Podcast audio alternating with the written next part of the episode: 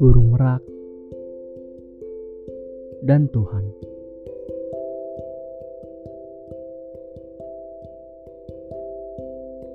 Seekor burung merak mendatangi Tuhan, meminta agar dia memiliki suara seperti burung bulbul. Namun, Tuhan menolak. Burung merak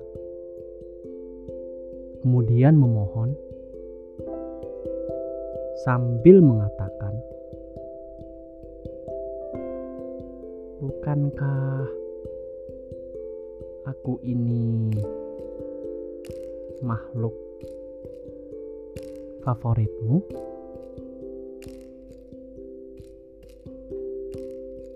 Tuhan pun menjawab,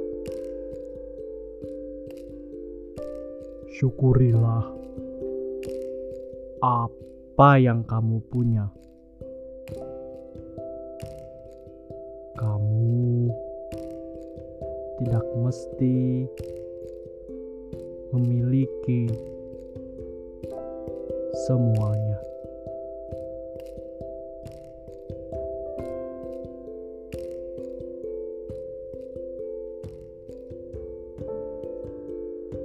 Itu dongeng untuk malam ini.